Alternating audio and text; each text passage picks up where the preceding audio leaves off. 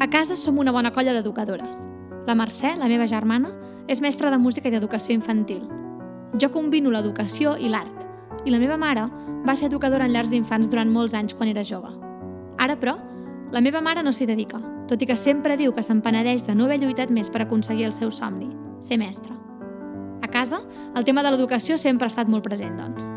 Així que us podeu imaginar que els dijous, els dies que de forma fixa sempre dinem tots quatre amb l'avi, el tema de l'educació, les escoles, les famílies, els nens i nenes, les avaluacions, hi és bastant present. A l'avi li agrada opinar sobre les històries que comentem, sobretot per explicar-nos com era la seva època tot això i per dir-nos que fem molt bona feina. Està orgullós de nosaltres, l'avi. Els meus pares sempre ens diuen a mi i a la meva germana que la gran herència que ens deixaran és la nostra educació. I nosaltres no hi podem estar més d'acord. Na na na na na na na na na na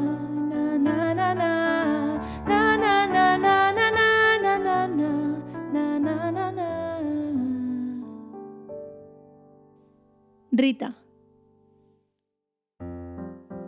La Laia té 28 anys. És el tercer curs que treballa a l'escola i el cinquè que treballa de mestra. De petita, sempre havia jugat a mestres amb les seves nines. Les asseia totes mirant cap a la pissarra imaginària, és a dir, la paret, i es passava hores fent explicacions i més explicacions que sovint no portaven en lloc. D'adolescent era la salvació dels dinars familiars. Sempre distreia els petits fent jocs, cançons i danses. S'oferia per cuidar els cosins petits i fins i tot els ajudava amb els deures de l'escola. Es va fer monitora de lleure i formava part de l'esplai del poble on estiuejava. Va començar a la universitat i ho compaginava fent classes de repàs a nens i nenes que necessitaven ajuda i fent de monitora de menjador. La Laia va créixer amb la idea i el somni de ser mestra i ho va aconseguir. Ella sempre diu que arribar a ser mestra no és gens difícil. Entrar al grau universitari d'educació infantil o primària no és difícil. Has de tenir una bona nota, però res que no sigui assequible. Tampoc és difícil acabar la carrera, però sempre diu que de mestres de veritat n'hi ha ben pocs, perquè és això el que és difícil. Vull explicar-ho de manera original i aconseguir que se'n recordin sempre. Un fogonet, la paella i un glaçó és la millor manera per aprendre. La meva il·lusió és que creixin recordant experiències i somriuràs. Si faig que cada tema sigui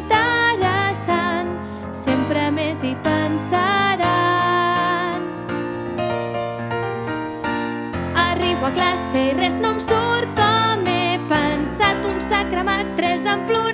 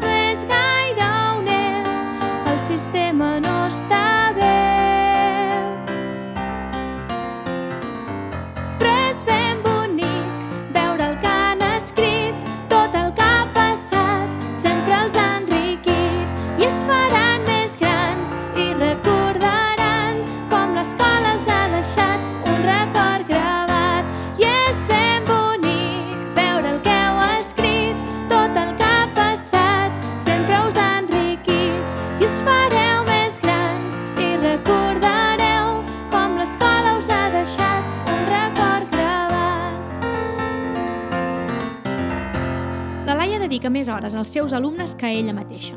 Viu la vida de cadascun d'ells com si fos la seva. Li costa molt desconnectar quan surt de l'escola, tot i que sempre intenta fer-ho. Però si ha acabat el dia amb un conflicte a la seva aula que no s'ha pogut resoldre, es passa tot el dia angoixada desitjant que arribi l'endemà per poder solucionar-ho. Actualment, la Laia és tutora de tercer de primària i es desviu pels seus alumnes. A vegades, quan arriba a casa després d'un dia d'aquells que s'han fet llargs, seu al sofà, es treu les sabates, s'obre una cervesa i pensa a vegades voldria haver triat una feina que tingués un horari. La Laia té un horari, està clar. De dilluns a divendres de 9 a 1 i de 3 a 5, i un dia que es queda fins les 7 per fer reunions. I aquí ja comença la típica discussió sobre la professió de mestre que a la Laia no li interessa ni escoltar. Quan algú comença amb és que els mestres viviu de puta mare, eh? O és que teniu 3 mesos de vacances. La Laia es comença a posar nerviosa i sempre mata el tema amb la mateixa frase. Jo no vaig triar ser mestre per l'horari o les vacances, que per cert, no són tres mesos. Ho vaig triar perquè realment m'apassiona. Si t'apassiona tu també, fes-ho. I no entra en gaire més discussió perquè creu que és perdre el temps. La Laia, quan plega a les 5 de l'escola, sempre té feina a corregir i a preparar les sessions de l'endemà. Intenta tenir-ho amb temps, però gairebé sempre va al dia. Ella sap que el seu horari no s'acaba a les 5 i també sap que només ella pot posar límit al seu horari, perquè si no, podria no deixar de treballar mai. És conscient que la seva entrega per la feina no és sana, que no es pot viure per treballar, que primer s'ha de prioritzar la vida. I fins i tot ha rebut crítiques de companyes que diuen que per culpa de persones tan entregades com ella, la resta de mestres, si no s'entreguen tant, queden malament. La Laia ho sap i ho entén, però és superior a ella. L'apassiona pensar, crear i preparar activitats, per alguns, la seva passió no és la seva feina, i ella sempre diu que això és un error. Ella és feliç treballant moltes hores perquè li apassiona el que fa. La Laia sempre diu, si la teva feina no és la teva passió, està clar que no hi dedicaràs més hores de les que et pertoquen. Però, per exemple, els dibuixants no tenen un horari. Podrien dibuixar en qualsevol moment del dia i com més dibuixen, més feliços són. Els hi explica sempre als seus alumnes la seva passió per l'educació, intentant transmetre'ls aquest objectiu d'acabar treballant del que realment t'agrada. Amb el temps, però, ha après a posar-se un límit al seu horari. Ja no obre el correu de l'escola a partir de les 7 de la tarda. Al migdia va dinar a casa perquè així no treballa i desconnecta una mica. A la tarda mira de fer alguna activitat que sigui per ella i intenta que el cap de setmana sigui gairebé lliure. Ara va a fer classes de pilates i ioga al centre que té al costat de casa i fa un curs online de francès. Però la Laia també va al cine amb la seva germana cada dimecres al vespre, brena amb les amigues al forn del barri els dimarts surt de festa i fa el boig els dissabtes i se'n passa temporades senceres de Netflix en una sola setmana. Ah, i també perd el temps a les xarxes socials. Ara s'ha fet un perfil d'educadora. Ha pensat que, igual que ella sovint ha utilitzat recursos i activitats proposats per altres mestres d'arreu del món, ella pot contribuir a la xarxa d'educació oferint les seves propostes. La Laia es trenca el cap pensant en activitats que puguin ser efectives en l'aprenentatge i alhora originals, lúdiques i entretingudes pels nens i nenes activitats significatives i competencials, la nova frase de moda de l'educació. L'ideal, però gairebé impossible. Sobretot tal com està pensat el sistema educatiu ara, pensa la Laia. T'hi has de dedicar tu personalment per aconseguir aquest tipus d'activitat. Però si t'hi dediques massa, et critiquen per massa. I si t'hi dediques poc, et critiquen per no fer activitats competencials significatives. La manera d'ensenyar cada vegada canvia més. Com més canvia la societat, més canviem els que hi vivim i, per tant, més canvien els nens i nenes, el futur, els grans protagonistes de la societat. I ja sabeu que no ens agrada mai callar si ens obligueu, ens costa més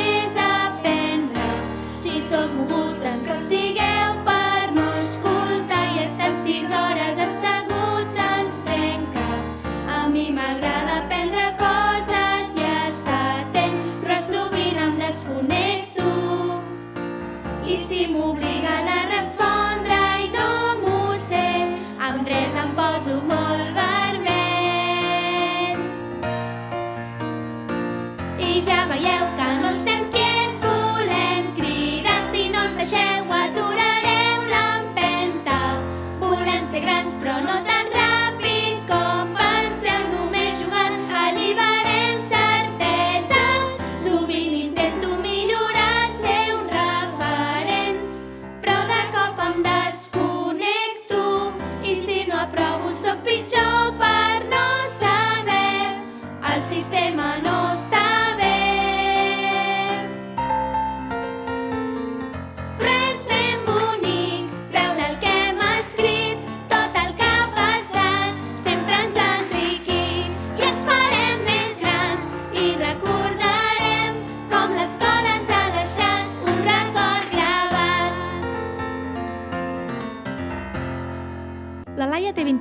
alumnes a la seva classe i cada nen i cada nena és absolutament diferent dels altres i cadascú té la seva part especial.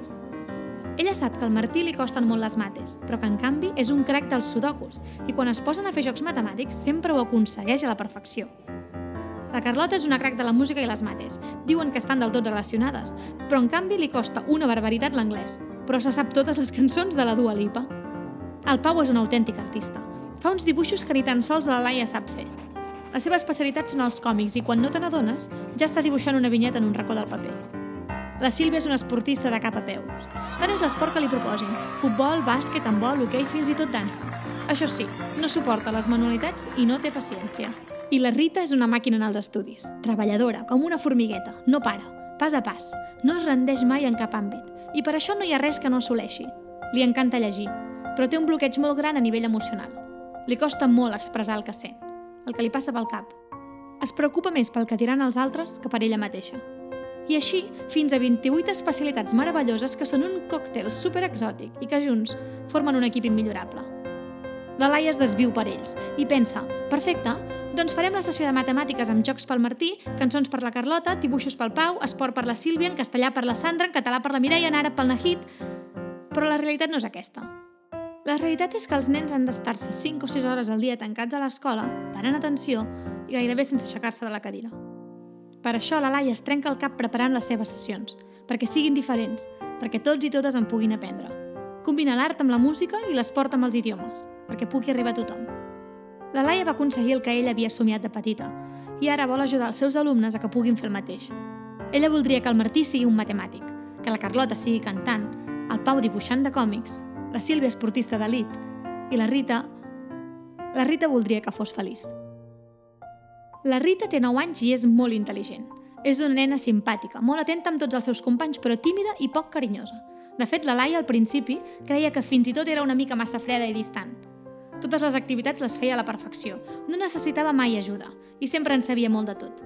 Fins i tot, a vegades corregia la Laia amb alguna cosa o donava alguna informació que la Laia, amb tota la honestedat, havia dit que no sabia. A la Laia li va costar molt connectar amb la Rita. Intentava parlar-li de lectura, que a la nena li encanta, o d'animals, però la nena no acabava d'obrir-se. La Laia només va tardar unes setmanes a saber per què la Rita era tan especial. Una tarda, a les 5, quan la Laia ja marxava, va sentir una discussió davant de l'escola. Va veure que hi havia la directora i s'hi va acostar. De sobte, va veure que la Rita, plorant, estava al mig d'aquella gent que s'estaven cridant els uns als altres. La seva mare la tenia agafada per un braç i el seu pare per l'altre. Al voltant d'ells, animant la situació, hi havien els avis materns, la nòvia del pare i l'avi patern. La Laia es va escolar al mig de la discussió i s'ho va fer anar bé perquè deixessin anar la Rita i se la van portar dins l'escola. La Rita estava espantadíssima i ella no li va dir res del tema. Es van posar a llegir un llibre entre les dues fins que va venir la directora de l'escola i li va dir a la nena que la seva mare l'esperava baix per marxar. La Rita, abans de marxar, li va fer una abraçada a la Laia i li va donar les gràcies a cau d'orella. La Laia automàticament va voler saber què passava amb la Rita i la seva família ella ja sabia que els seus pares estaven separats, però el numeret que havien muntat davant de la nena no era normal. La directora de l'escola li va explicar que el pare i la mare tenien una relació molt dolenta i que estaven separats sense sentència encara, i que no es posaven d'acord. La Laia va demanar una tutoria aquella mateixa setmana amb la mare i el pare junts, cosa a la que es van negar, així que ho va haver de fer per separat. No va aconseguir treure'n res de bo. El pare es va passar l'estona explicant tot el que la mare feia o havia fet malament, i la mare exactament el mateix, però a l'inrevés pràcticament no van ni parlar de la Rita, la gran afectada per la situació. Quan la Laia parlava de la nena i de com de malament ho estava passant, tant un com l'altre es limitaven a dir que la Rita tenia molt acceptat que ells estaven separats i que ho portava molt bé. La Laia volia fer-los i entendre que la Rita el que necessitava no era veure la seva mala relació, ni escoltar a un criticar l'altre ni parlar malament. Però va veure ràpidament que ella això no ho aconseguiria. Al cap i a la fi, només era la tutora de la Rita, a partir d'aquell dia, la Rita cada vegada parlava més amb la Laia i li explicava coses. Li explicava el que havia fet al cap de setmana o el llibre que s'havia llegit.